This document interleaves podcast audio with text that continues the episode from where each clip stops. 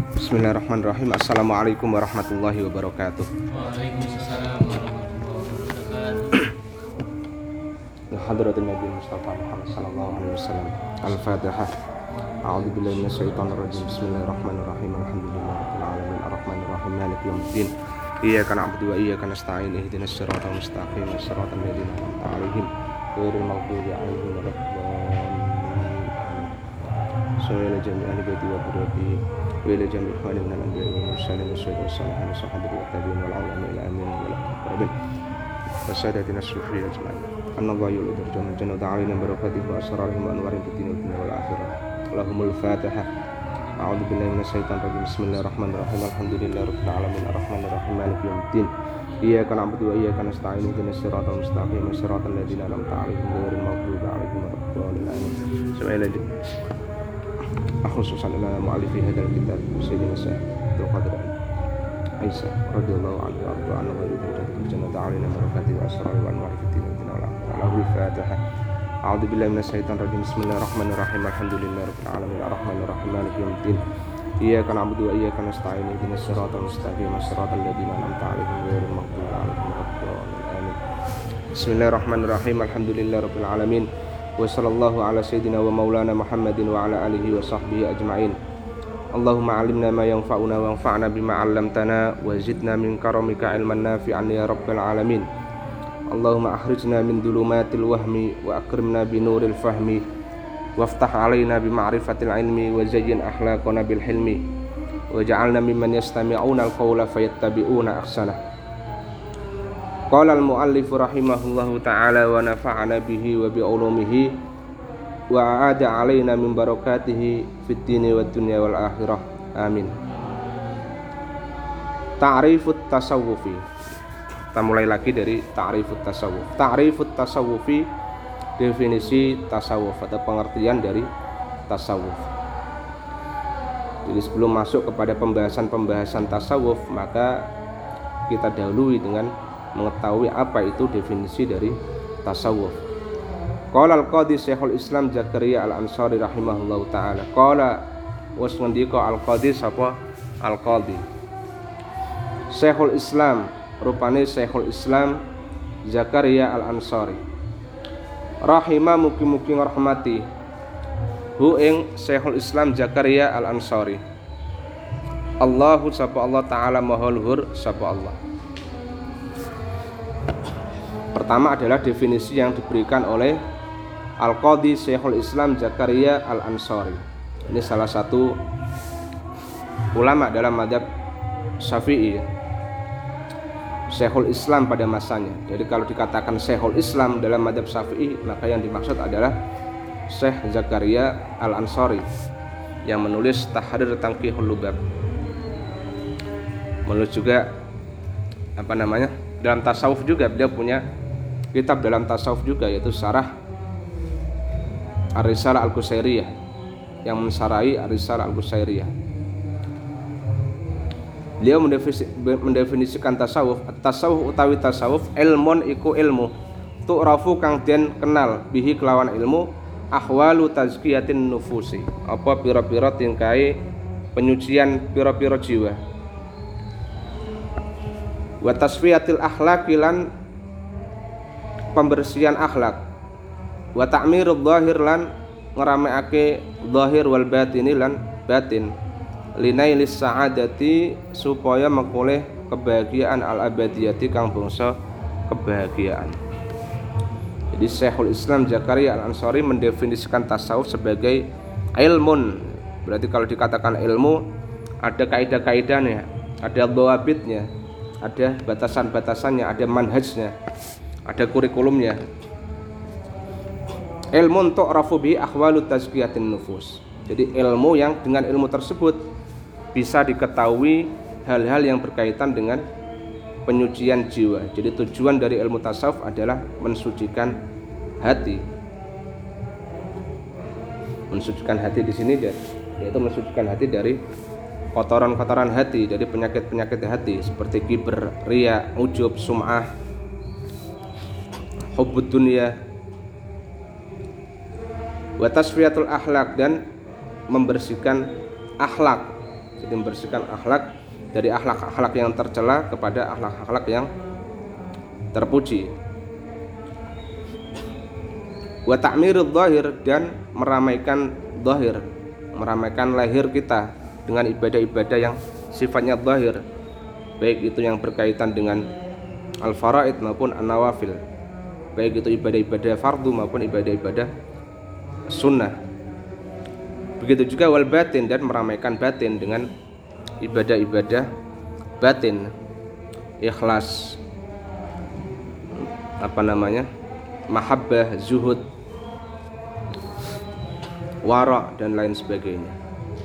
Karena zahir saja ibadah zahir saja tidak berguna tanpa disertai dengan ibadah batin justru ibadah zahir bisa batal pahalanya kalau tidak disertai dengan ibadah batin. Misalnya sholat tanpa keikhlasan batal pahalanya. Karena karena syarat qabulul amal syarat di, diterimanya amal itu harus pertama adalah ikhlas. Ikhlas niyyah lillah. Mengikhlaskan niat hanya untuk Allah. Dan ini adalah amal batin amal yang sifatnya batin bukan amal zahir.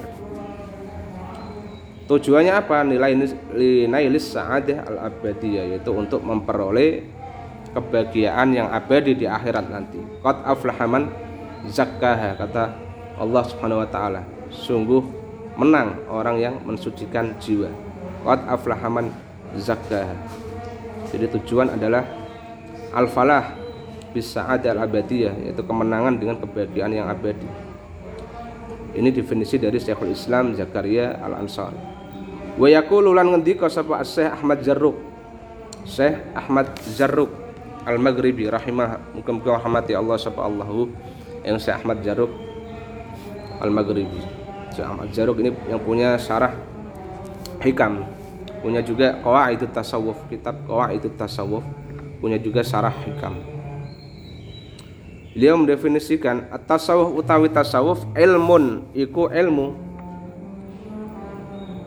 Kosoda kang temuju atau kang kus, atau bisa juga kusida kang den tujuake.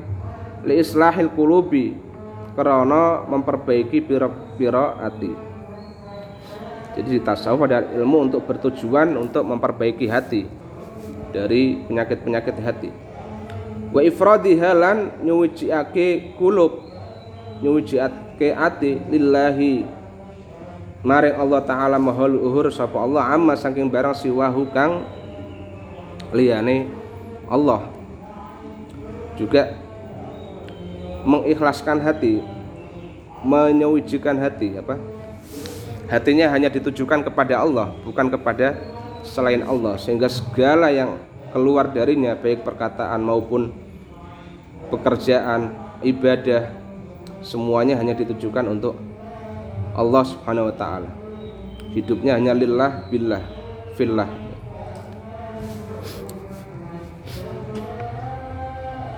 Dan itu adalah hakikat ikhlas yang merupakan ruhul amal, ruhnya amal.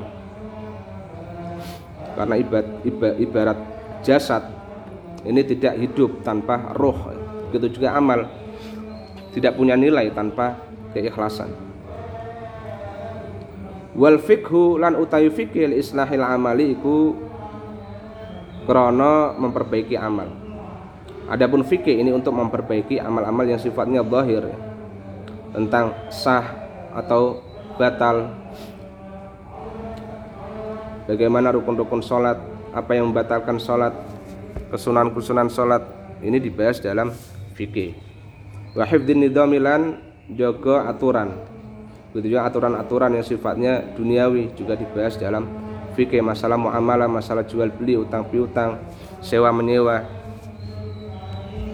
masalah siasah masalah imamah masalah jinayah hukum pidana ini juga dibahas dalam fikih.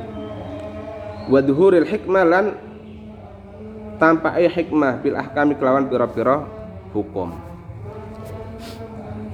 Wal usul lan utawi usul ilmu tauhid iku ilmu tauhid. Li tahqiq li tahqiqil muqaddimat krana nyatakake pira-pira muqaddimah pira-pira premis. Bil ini kelawan pira-pira dalil pira-pira hujjah pira-pira argumentasi. Begitu juga ilmu usul atau disebut juga ilmu tauhid atau disebut juga sebagai ilmu kalam. Ini untuk menyatakan premis-premis yang membuktikan adanya atau kebenaran akidah Islam dengan hujah-hujah, dengan barahin, dengan dalil-dalil rasional. Makanya dalam ilmu kalam juga dipelajari sebagai mukaddimah ilmu kalam juga dipelajari ilmu man, mantek. Karena isbati wujudillah untuk menetapkan wujud Allah. Ini salah satu jalannya adalah dengan cara al-barahin al-aqliyah dengan cara bukti-bukti rasional. Dan itu tidak bisa ternyatakan kecuali dengan perangkat ilmu mantek misalnya apa? Al alam mutaghayyir misalnya premis minor. Kul mutaghayyir hadis mukadimah tadi mukadimah sugro. Kul mutaghayyir hadis tiap yang berubah itu hadis baru berarti didahului oleh ketiadaan mukadimah kubro maka natijanya kulu hadisin labuddalahu min uh, kullu natijanya kullu mutaghayyir hadis. Wa kullu hadis yahtaj ila muhdis natijanya. Setiap yang didahului ketiadaan maka butuh dat yang mewujudkannya yaitu Allah ini tugasnya ilmu ilmu kalam. Wa tahliyatul iman bil ikon wa tahliyatul iman lan menghiasi keimanan bil ikoni kelawan keyakinan. Sehingga keimanan itu sampai kepada keyakinan-keyakinan yang sifatnya akli al iman al akli keyakinan sifatnya akli. Karena dengan bukti-bukti atau hujah-hujah atau argumentasi-argumentasi yang sifatnya rasional tadi katibbi kaya dene kedokteran li hifdzil abdani karena jaga pira-pira badan. Sebagaimana juga kedokteran tujuannya untuk menjaga badan agar tidak terkena penyakit. Wa kan nahwilan kaya dene nahwu nahwu li islahil lisani karena memperbaiki lisan. Ila ghairi dalika maring liyane mengkono-mengkono madgur mengkono-mengkono kang den sebut jadi kalau tasawuf ini tujuannya untuk memperbaiki hati dan hanya memperuntukkan hati hanya untuk Allah, bukan untuk selain Allah. Begitu juga fikih ini untuk memperbaiki amal dohir, untuk menjaga aturan dengan hukum-hukum. Begitu juga ilmu usul, ilmu tauhid, ilmu kalam. Ini untuk mendukung akidah Islam dengan dalil-dalil yang sifatnya rasional, al-barahin wal bil barahin wal hujjah al-aqliyah sehingga sampai kepada keyakinan akal. Begitu juga kedokteran untuk menjaga badan. Nahwu juga untuk menjaga lesan dari kesalahan berbahasa Arab. Sampai di antara ulama tasawuf seperti Al-Hakim At-Tirmidzi menulis kitab namanya Nahwul Qulub Nahwu hati. Dikiaskan dengan nahwul lisan nahwul lisan seperti yang kita pelajari dari ilmu nahwu itu nahwul lisan. Maka beliau menulis kitab Nahwul Qulub, nahwunya hati. Isinya nahwu juga, tapi sarahnya dengan pendekatan tasawuf. Jadi sarah sarahnya tasawuf. Matanya nahwu tapi sarahnya tasawuf. Al-Hakim At-Tirmidzi namanya. Bukan Abu Isa At-Tirmidzi. Kalau Abu Isa At-Tirmidzi ini sahibus sunan yang punya kitab hadis termasuk kitab induk hadis yaitu Sunan At-Tirmidzi. Beda lagi, jadi namanya sama-sama At-Tirmidzi. Karena Tirmid itu nisbah ke Turmut ya, atau Tirmid, salah satu daerah di mana? Asia Tengah. Daerah Kazakhstan sana, Uzbek, Uzbekistan dan lain-lain.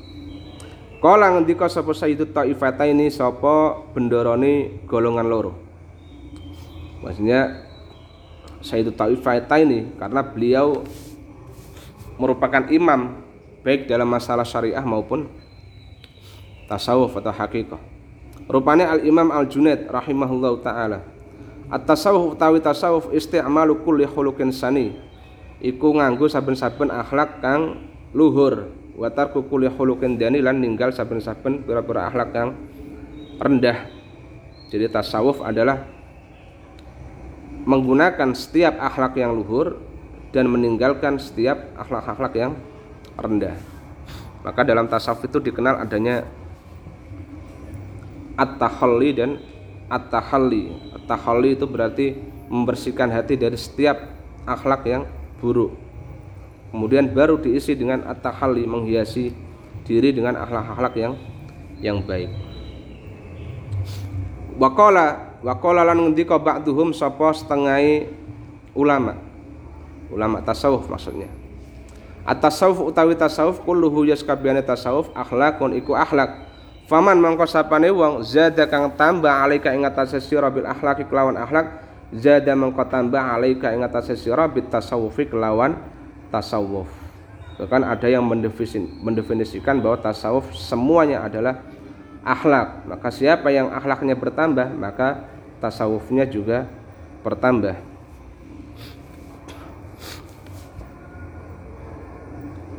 Waqala Abdul Hasan, waqala lan ngendika sapa Abdul Hasan Asy-Syadzili sapa Imam Abdul Hasan Asy-Syadzili. Ini adalah muassis atau pendiri dari Thariqah Asy-Syadziliyah. Yang mana Syekh Abdul Qadir Isa juga penganut daripada Thariqah Asy-Syadziliyah, bahkan beliau adalah mursyid dari Thariqah Asy-Syadziliyah. Rahimah mungkin mungkin rahmatihi ing Syekh Abdul Hasan Asy-Syadzili. Allahu sapa Gusti Allah.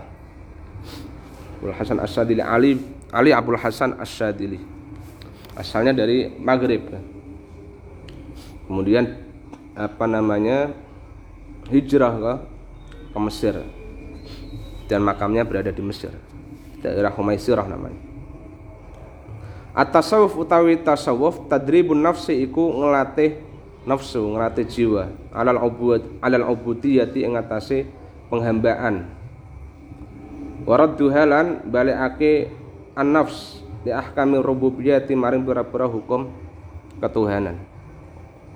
Jadi menurut Syekh Abdul Hasan As-Sadili, at-tasawuf definisi tasawuf adalah tadribun nafsi yaitu melatih jiwa.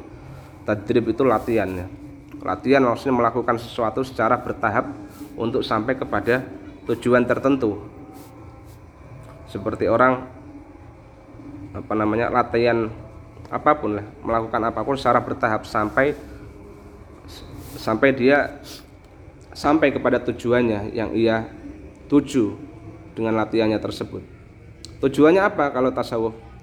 Alal ubudiyati atas penghambaan. Jadi tujuan dari tadribun nafsi tadi untuk sampai kepada maqamul ubudiyah atau tingkat penghambaan kepada Allah. Al ubudiyah berasal dari al ibadah. Maksudnya adalah ghayatul khusu' wal khudu, itu puncak dari kekhusyuan dan ketundukan terhadap Allah. Jadi itu tujuannya. Jadi jiwanya dilatih untuk sampai kepada makom tersebut, makom ubudiyah atau goyatul khusu' wal khudu. Puncak atau akhir dari kekhusyuan dan ketundukan kepada Allah Subhanahu wa taala. Waraddu ahli ahkam rububiyah dan mengembalikan hati atau mengembalikan jiwa tadi kepada hukum-hukum ketuhanan. Maksudnya tunduk kepada hukum-hukum Allah baik hukum-hukum syariat maupun ahkam dalam makna ketetapan Allah. Jadi tunduk apa pun yang ditetapkan Allah oleh Allah baik berupa syariat, hukum-hukum yang diwahyukan pada Rasulullah Sallallahu Alaihi Wasallam. Maupun maupun ahkam di sini dalam pengertian hukmullah di sini dalam pengertian ketetapan ketetapan Allah yaitu qada dan qadarnya Allah. Pasrah khudu menerima. Waqala Ibnu Ajibah, waqala lan ngendika sapa Ibnu Ajibah sapa Imam Ibnu Ajibah rahimahullahu taala rahimah bi rahmatihi yang Allah hu yang Ibnu Ajibah Allah sapa Gusti Allah. Ibnu Ajibah ini dari Maghrib juga. Jadi banyak ulama-ulama tasawuf itu yang berasal dari Maghrib. Bahkan Mu'dhamut Turuq As-Sufi ya. Kebanyakan tarekat-tarekat sufi ini asalnya adalah dari Maghrib, dari Maghrib atau Maroko seperti Tijaniyah, Syadiliyah, Imam Abu Hasan As-Sadili juga dari Maghrib. Ibnu Ajibah mengatakan Beliau juga punya kitab tafsir ini, benar ajib ya. Tafsir Isari, tafsir sofistik. Namanya apa? Lupa. At-tasawuf utawi tasawuf huwa ya tasawuf ilmun iku ilmun yu'rafu kang den kenali bi kelawan ilmu kaifiyatus suluki carane suluk carane lumaku ila hadrati malikil muluk maring hadrah maring hadirate rajane pira-pira raja maksudnya Allah Subhanahu wa taala. Wa tasfiyatul bawatin lan bersihake pira-pira batin minar radhaili saking pira-pira kotoran. Wa tahliyatuha lan maisi bawatin bi anwa'il fadhaili kelawan macem-macemi sifat-sifat kang utama. Wa awwaluhu lan utawi awali tasawuf ilmun iku ilmu. Wa wasatuhu lan pertengahane tasawuf amalun iku amal wa akhiruhu lan akhir tasawuf mauhibatun iku ilmu mauhibah ilmu yang langsung dianugerahi oleh Allah Subhanahu wa taala atau kita kenal sebagai ilmu laduni.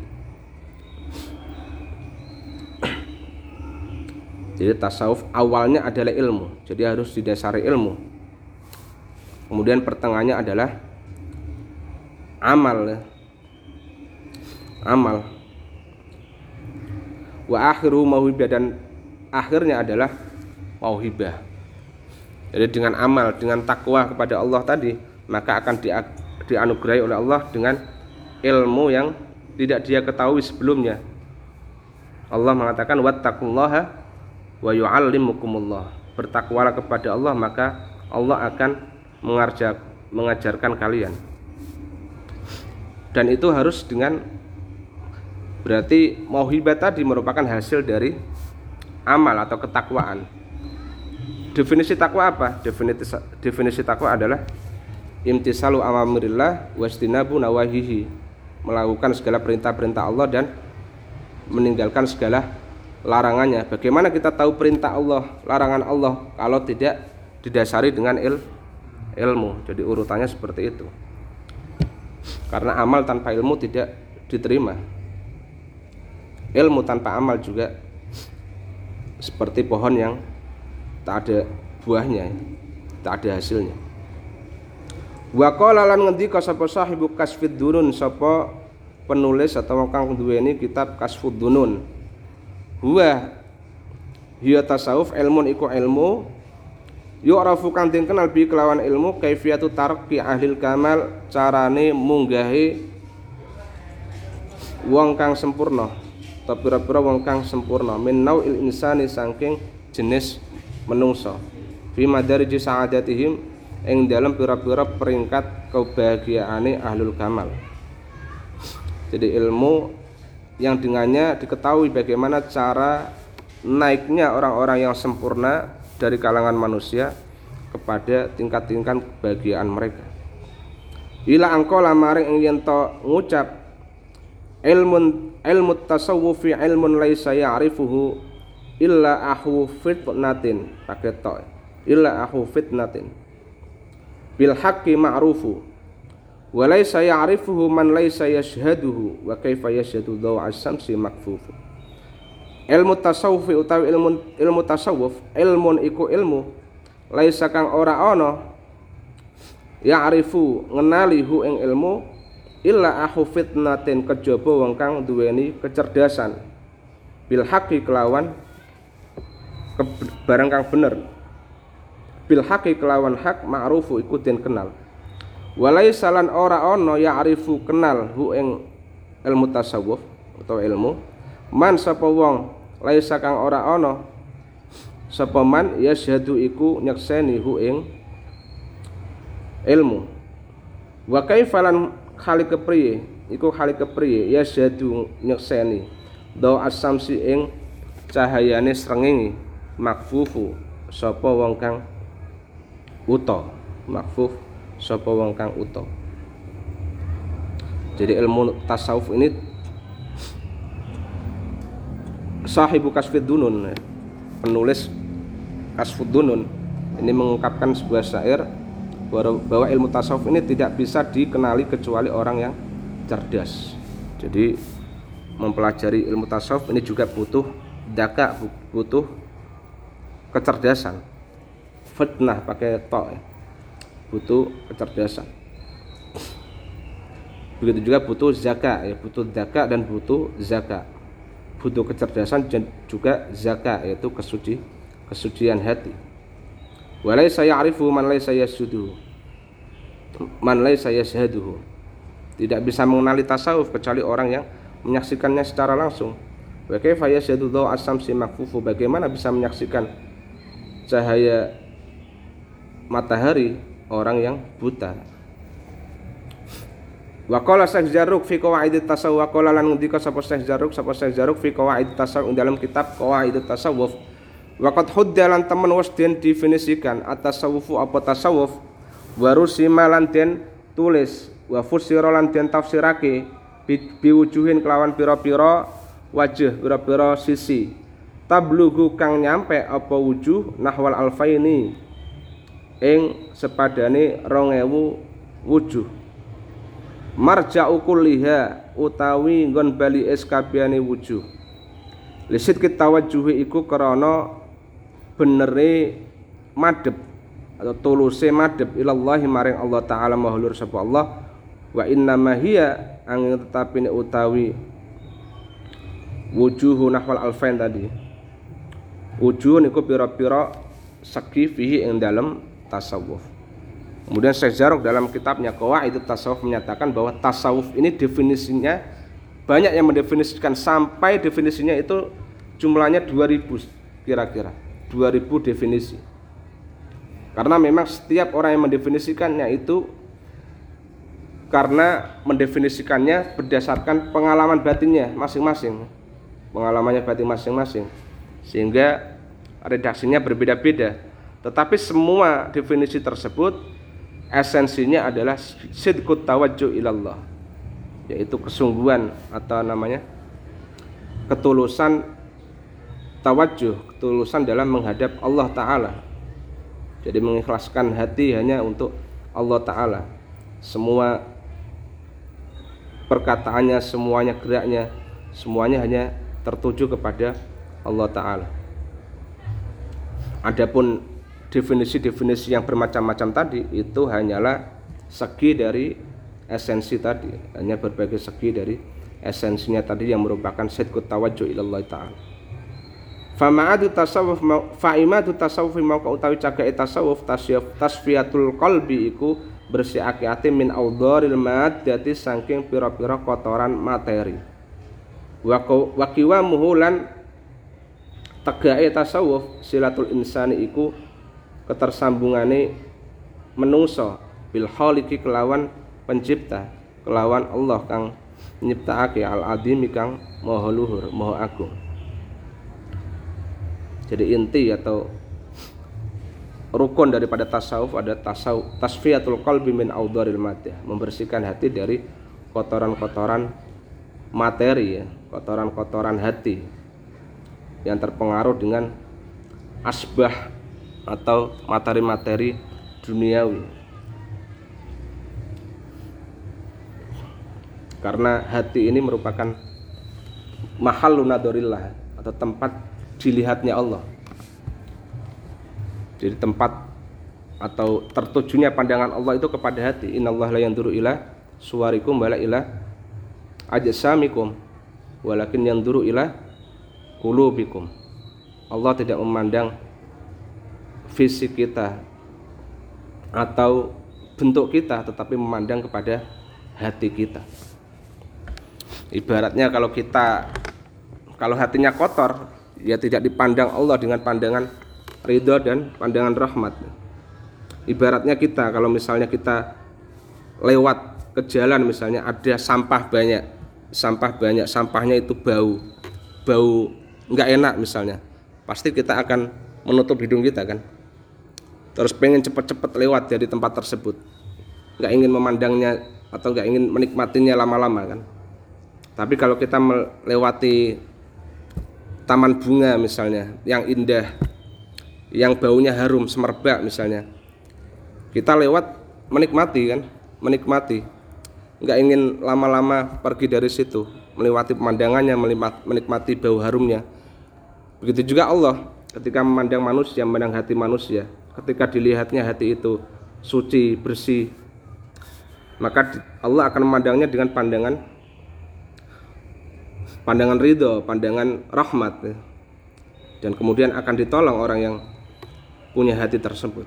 Tapi kalau hatinya busuk hatinya kotor penuh dengan penyakit-penyakit hati maka tidak dipandang dengan pandangan pandangan ridho oleh Allah Subhanahu wa taala.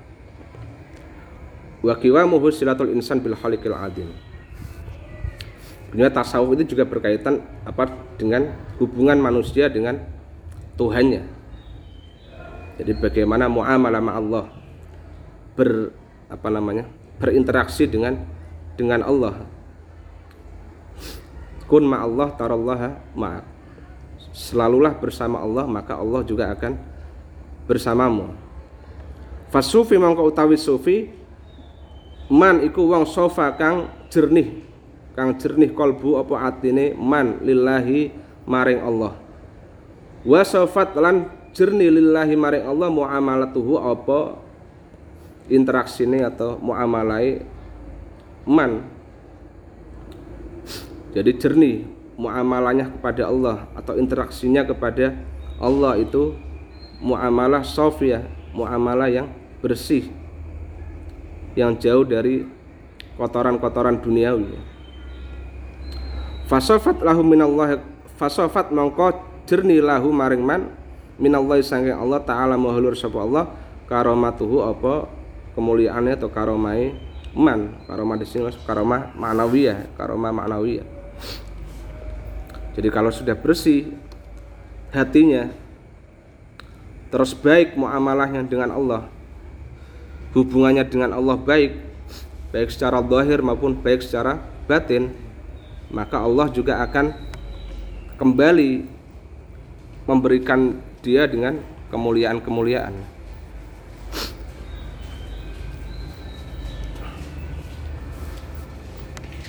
Istiqaqut tasawufi. Istiqaqut tasawufi. Sekarang membahas tentang istiqaqut tasawufi. Apa namanya? Asal kata tasawuf. Atau cetakannya tasawuf. Tasawuf itu dari kata apa? Kok ada mulai muncul istilah tasawuf. Padahal tidak dikenal pada zaman nabi pada zaman sahabat. Zuhud ada dalam hadis-hadis ada az-zuhdu. Zuhud ada ibadah ada. Ikhlas ada. Tapi tasawuf ini dari mana kok muncul istilah istilah tasawuf? Kasurat akeh. Kasurat akeh al akwalu apa pira-pira pendapat pira-pira dawuh Fistika kita tasawufi ing dalem jelasake asal katane tasawuf. Famin hum mongko iku setengah saking akwal. Famin hum mongko iku setengah saking ulama. Man wong kala kang ngendika sapa man? Minas sufa. Iku saking sufa. Sufa itu apa namanya? Bulu ya bulu. Minas sufa saking bulu bulu tahu bulu? Bulu ayam bulu itu loh. Li ana sufi karena setuhune sufi ma Allah iku semurtane Allah taala mahulur sop Allah kasufati kaya dene bulu kaya dene bulu al matruhati kang den lempar listila listilamihi krana kepasrahane sufi. Lillahi maring Allah taala mahulur sapa? Allah. Jadi ada yang berpendapat bahwa kalimat tasawuf itu berasal dari kata atau dari kalimat sufah yang berarti bulu. Kenapa diambil dari sufah? Karena diumpamakan seorang sufi itu muamalahnya atau kebersamaannya kepada Allah itu diibaratkan bulu yang dilemarkan. Dia diombang-ambingkan angin ke mana pun ke barat ke timur pasrah saja kan? Begitu juga seorang sufi pasrah ridho dengan semua ketetapan ketetapan Allah. Ini merujuk kepada makom ridho wa taslim makom ridho dan taslim pasrah kepada Allah menerima segala ketetapan Allah. Disuruh begini ya apa namanya terima. Ditetapkan sebagai seperti ini ya menerima. Diberi musibah terima saja. Ridho tidak protes adamul i'tirad Allah tidak ada rasa i'tirad protes atau apa namanya menolak terhadap Allah. Kalau orang seperti itu kan hidupnya nyaman kan? Nyaman dikasih musibah ya ridho dikasih nikmat ya ridho. Sama saja makanya ada yang mendefinisikan as-sufi man sofa qalbuhu minal qadar wastawa indahu wastawa indahu ad-dhahab wal hajar. Sufi adalah orang yang hatinya bersih dari kotoran wastawa indahu dhahab wal hajar. Sama baginya emas maupun batu. Emas batu sama saja. Dari eh, dalam pandangan seorang sufi. Artinya tidak membebani hatinya. Kehilangan juga tidak merasa apa namanya sedih. Memperoleh juga tidak senang yang berlebihan. Wa minhum lan iku setengah saking ulama man wong kola kang ngendika sapa man innahu stuhune tasawuf atau kalimat tasawuf atau sufi minas sifati saking lafat sifah. Ada juga yang berpendapat bahwa sufi atau tasawuf itu berasal dari lafat atau kalimat as-sifah atau sifat sifat. Kenapa? Id jumlatuhu karena utawi jumlah at-tasawuf ittisafun iku bersifat bil mahasini kelawan pira-pira sifat kang apik. Wa tarkul ausafilan ninggal pira-pira sifat al madmumati kang den celo karena jumlah karena keseluruhan daripada ajaran tasawuf itu intinya adalah apa namanya memakai sifat-sifat yang baik dan meninggalkan sifat-sifat yang dicela maka ada yang berpendapat bahwa tasawuf itu dari kata as-sifah atau sifat Wa minhum lan setengah saking ulama man wong kala kang ngendika sapa man minas sofa saking sofa. Ada juga yang berpendapat bahwa tasawuf itu berasal dari kata sofa, artinya jernih. Jernih atau suci. Hatta kala sehingga ngendika Abdul Fat Al Busti sapa Imam Abdul Fat Al Busti rahimahu. Muga-muga rahmatihu ing Abdul Fat Al Busti. Allah sapa Allah taala maha luhur sapa Allah. Tanaza'a berselisih. Annasu sapa? Menungso fis sufi ing dalam kalimah sufi ing dalam lafaz sufi. Wahtala fulan podo berbeda pendapat. Wa nalan menduga hu ing sufi. Al ba'du sapa setengah menungso mustaqon iku den cetak minas sufi saking lafat as-suf. As-suf bermakna bulu bulu domba. Wol. Wol itu. Minasufi saking lafaz suf yang berarti wol atau bulu domba. Walas tulan ora ana sapa ingsun amnahu iku mewehi sapa ingsun hadal isma ing ikilah jeneng. Gaira fataliyane pemuda sofa kang jernih. Fasufia mangko den jernihake hatta sumia sehingga den arani atau den jenengi as-sufi ing sufi. As-sufia yang sufi. Adapun Abdul Fat al Busti ini menjelaskan dalam syairnya tanaza anna sufi sufi waktalafu orang-orang berbeda pendapat tentang asal kata sufi. Wadonahul ba'du mustaqan minas sufi. Sebagian orang berpendapat bahwa sufi itu diambil dari lafat as-suf yang berarti wal. Walas ta'amnahu hadal isma ghairu sedangkan aku tidak memberi nama ini kecuali berarti fata yaitu pemuda sofa yang jernih hatinya. Fasufia maka dia dijernihkan hatinya oleh Allah. Hatta sumia sehingga diberi nama as-sufi sufi. Ini ada yang berpendapat dari kata suf yang berarti bulu domba. Karena dalam sejarahnya orang-orang zuhad pada masa lampau ya ini biasanya cirinya sering memakai baju yang berasal dari bulu domba Wa minhu lan setengah saking ulama man wong kala kang ngendika sapa man minas sufati saking sufah. Saking sufah. Sufah itu apa? latar masjid latar masjid pelataran masjid makanya sahabat-sahabat yang tinggal di pelataran masjid Nabawi itu dikenal sebagai ahlus sufah ahlus sufah yang tidak punya rumah yang kerjaannya hikmah saja kepada Rasulullah Sallallahu Alaihi Wasallam ngaji kepada Rasulullah hikmah kepada Rasulullah sebagaimana layaknya santri ya. mendapat makanan dari Rasulullah atau dari sahabat-sahabat yang lain li'anna sahibahu karena sahab karena setuhune sahibus sahibahu wong kang ahli sufa tabiun iku eh, sahibahu wong kang ahli tasawuf tabiun iku anut li ahliha maring ahli sufa fima ing dalam barang asbata kang wis netepake Allah sapa Allah lahu maring ahli sufa minal wasfi saking pira-pira eh, saking sifat karena sifatnya menyerupai ahlu sufa dari kalangan sahabat Rasulullah Sallallahu Alaihi Wasallam. Hai sukola sekiranya ngendika sapa Allah taala mawalur sapa Allah wasbir nafsaka ma'al ladina yad'una rabbahum wasbir sabara sapa sira nafsaka ing awak dhewe ira ma'al ladina sumertane wong akeh yad'una kang padha donga sapa alladina rabbahum ing pangerane alladina karena mereka punya sifat sabar dan selalu berdoa kepada Allah Subhanahu wa taala dan selalu berkumpul dengan orang-orang yang berdoa kepada Allah. Kumpulannya orang-orang yang ahli ibadah.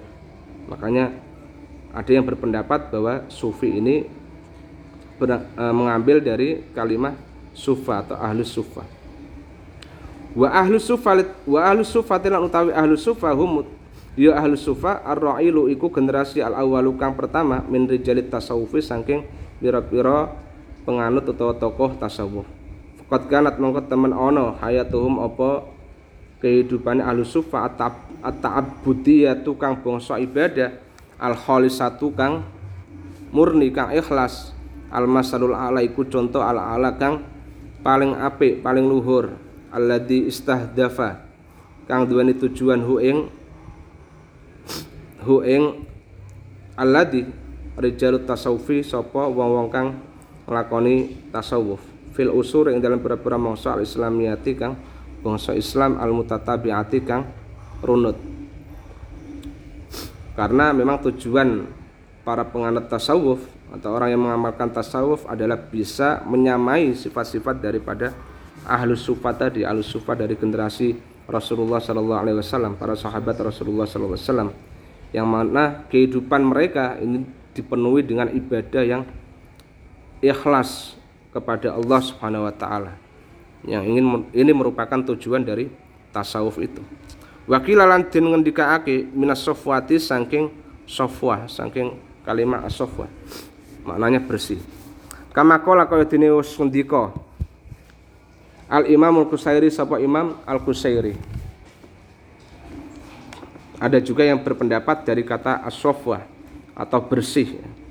Bersih di sini bersih zahir dan dan batin. Makanya sufi itu bukannya orang yang pakaiannya gembel misalnya penuh tambalan atau apa namanya kotor misalnya. Bukan ya bukan.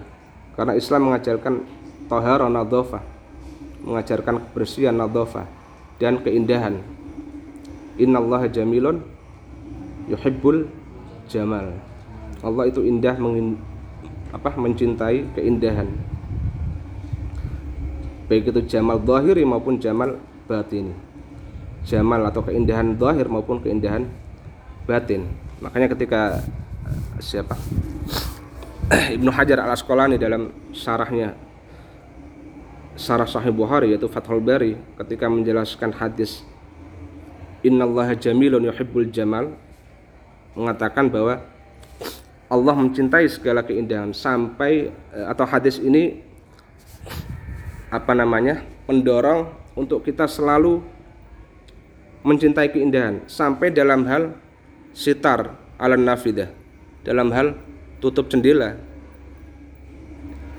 Bagaimana tutup jendela itu? Yang bagus yang bagus serasi misalnya warnanya dan lain sebagainya. Termasuk jamal batini keindahan batin. Wakilalan dan ngendikaake minas sofi saking soft soft atau barisan Ada juga yang berpendapat bahwa tasawuf itu dari kalimat as-sof atau barisan. Seperti soft salat itu. Faka'annahum mongko faka'annahum mongko kaya kaya kaya setuhune ahli tasawuf fisafil awali iku ing dalam barisan al awali kang pertama bikulubihim kelawan pira-pira atine ahli tasawuf min haitsu khudurihim sangking arah khudure atau hadire ahli tasawuf ma'allahi sumertani Allah taala wa tasabukihim lan saling mendahului saling mendahuluine ahli tasawuf fi sair ta'ing dalam sekabehane ketaatan. Karena seolah-olah ahli tasawuf itu diibaratkan di soft pertama yaitu dengan hati-hati mereka.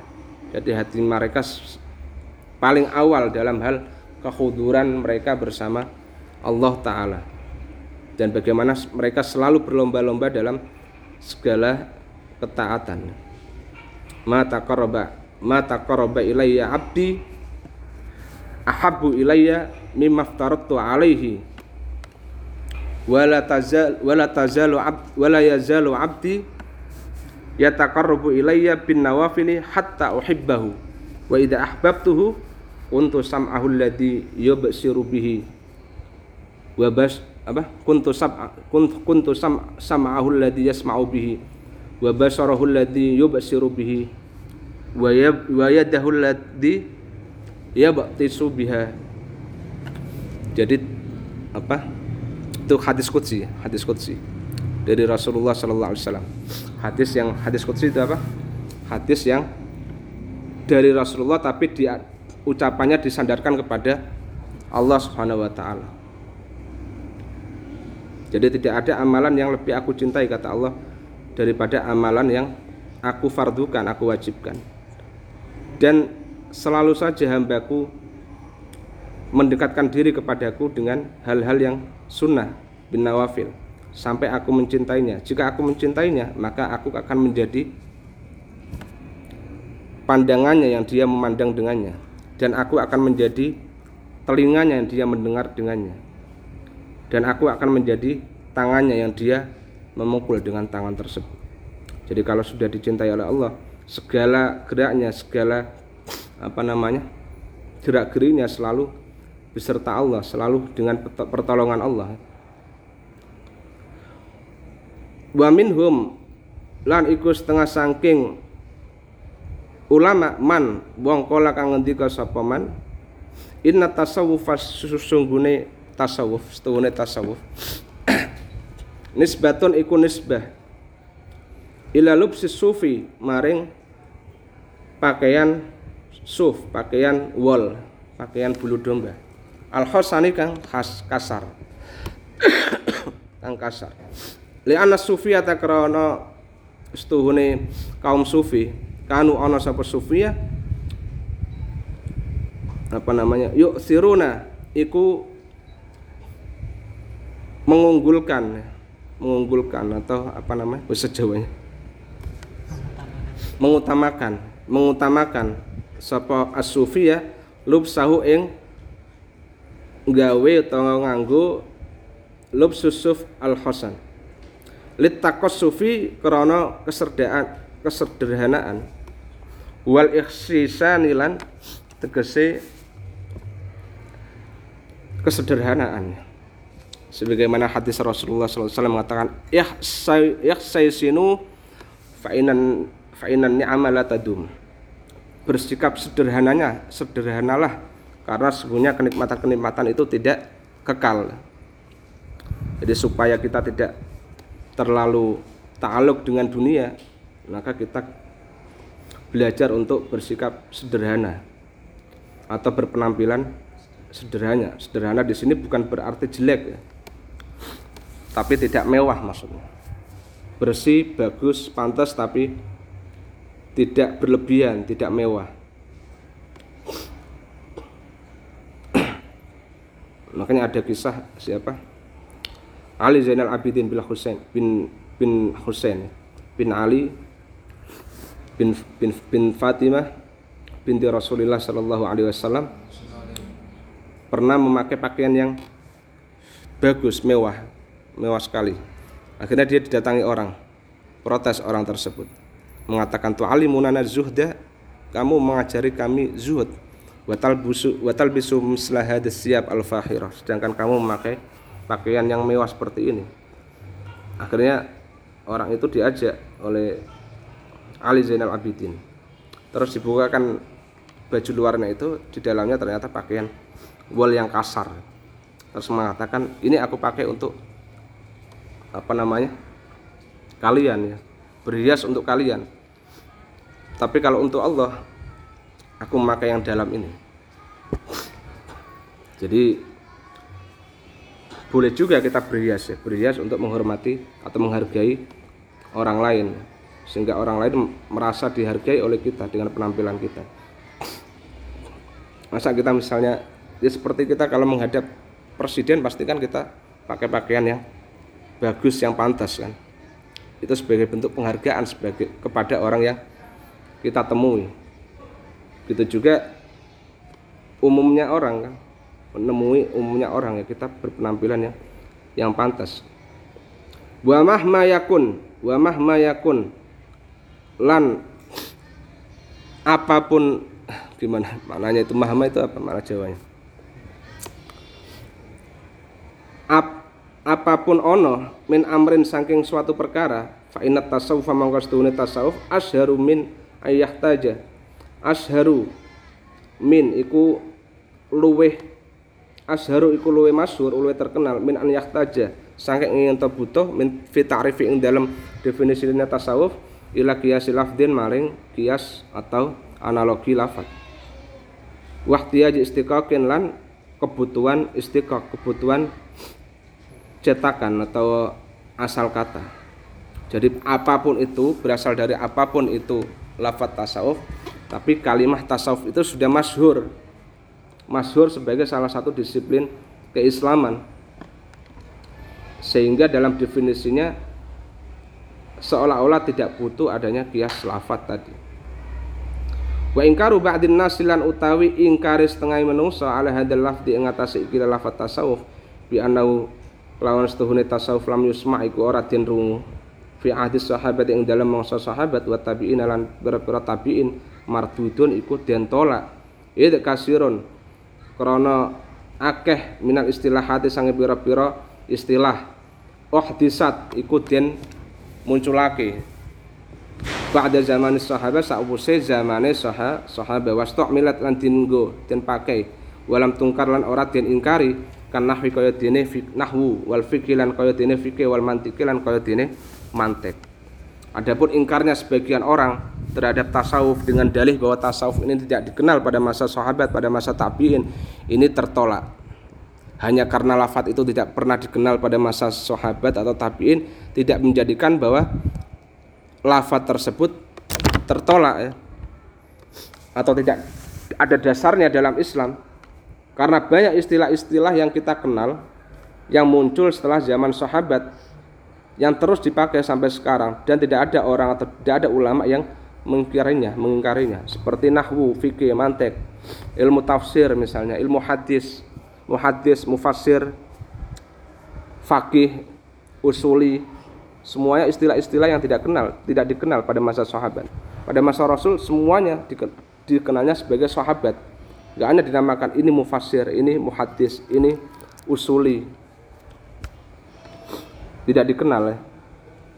Begitu juga kalimat tasawuf walaupun tidak dikenal pada masa sahabat atau pada masa tabi'in tetapi itu sudah menjadi istilah yang diterima oleh semua kalangan semua ulama sebagai salah satu nama disiplin keislaman bahkan merupakan apa namanya salah satu dari rukun agama. Ada akidah ada syariah ada tasawuf. Wa ala lan ing atase saben-saben suwiji fa inna mongko stune kita lanah tamu ora perhatian ora ora konsen sapa kita bita abiri kelawan pira-pira redaksi wal alfadhi lan pira-pira lafal biqadri ihtimamina kelawan kadar perhatian kita bil haqaiq kelawan pira-pira haqaiq pira-pira esensi wal ususi lan pira-pira asas pira-pira prinsip Jadi yang jadikan penilaian bukannya lafadznya atau apa namanya namanya, tetapi hakoiknya, kandungannya, esensinya itu yang menjadi penilaian kita. Kalau kandungannya itu tidak bertentangan dengan syariat, ya harus kita terima.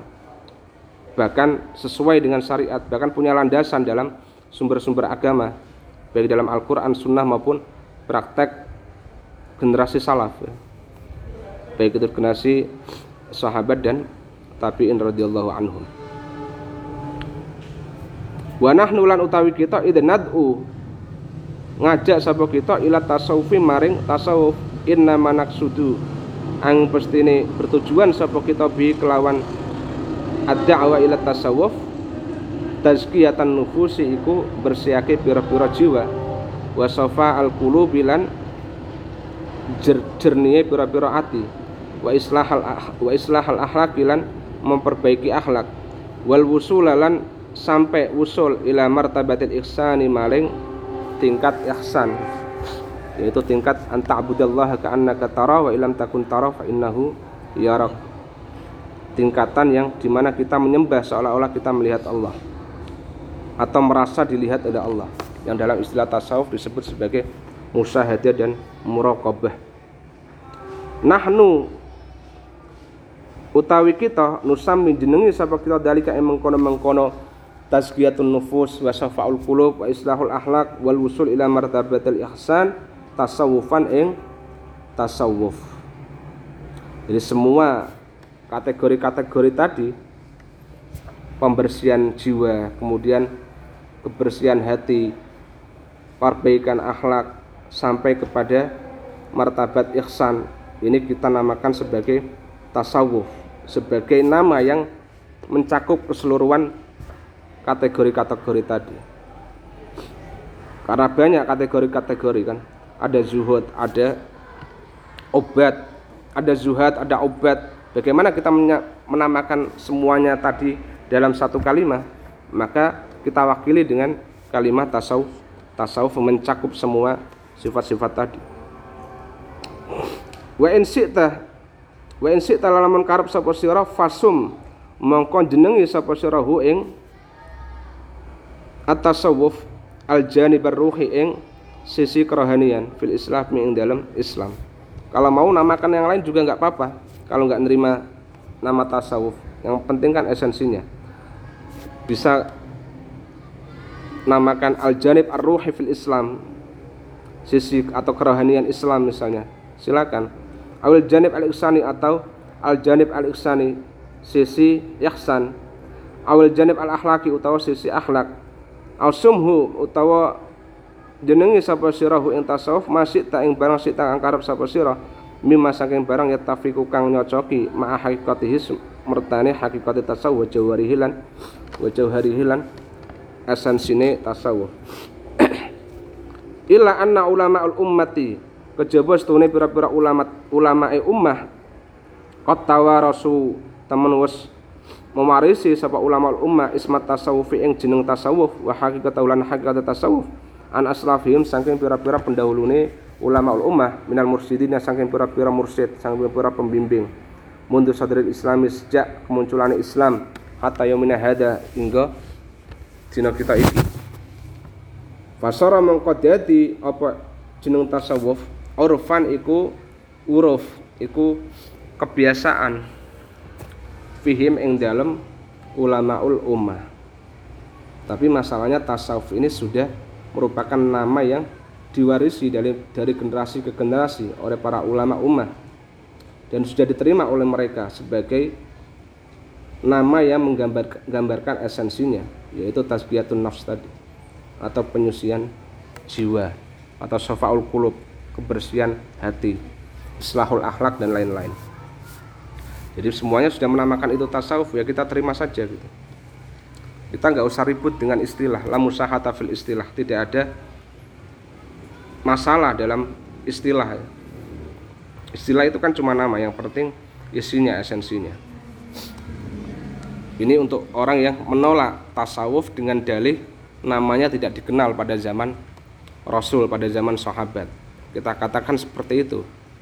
Walaupun tidak diterima eh, tidak dikenal pada masa Rasul dan sahabat tapi sudah diterima oleh para ulama sebagai nama suatu disiplin keislaman yang concernnya adalah masalah tazkiyatun nufus. Boleh dinamakan dengan tazkiyah misalnya atau ilmu ihsan atau al-janib ar-ruhi fil Islam misalnya. Bahkan Ibnu Taimiyah sendiri sebagai tokoh paling disegani ya ulama yang paling dianggap di kalangan salafi ya, di kalangan salafi atau wahabi itu dalam majmuk fatwa juz 10 mengkhususkan satu bab yang menjelaskan tentang tasawuf dan dinamakan dengan tasawuf dan menjelaskan tentang siapa itu sufi ya dan konsep-konsep sufi seperti fana, zuhud dan lain-lain. Berarti Ibnu Taimiyah kan mengakui adanya tasawuf. Imam mereka itu, yang mereka katakan Syekhul Islam. Imamnya orang-orang Saudi itu. Wahabi. Kalau kita namakan Wahabi, kalau mereka nggak mau disebut Wahabi. Mereka maunya disebut Salafi. Nas atau ilmi tasawufi kemunculan atau apa perkembangan atau kemunculan ilmu tasawuf wallahu taala a'lam bissawab. Al-Fatihah. A'udzu billahi minasyaitonir rajim. Bismillahirrahmanirrahim. Alhamdulillahirabbil alamin.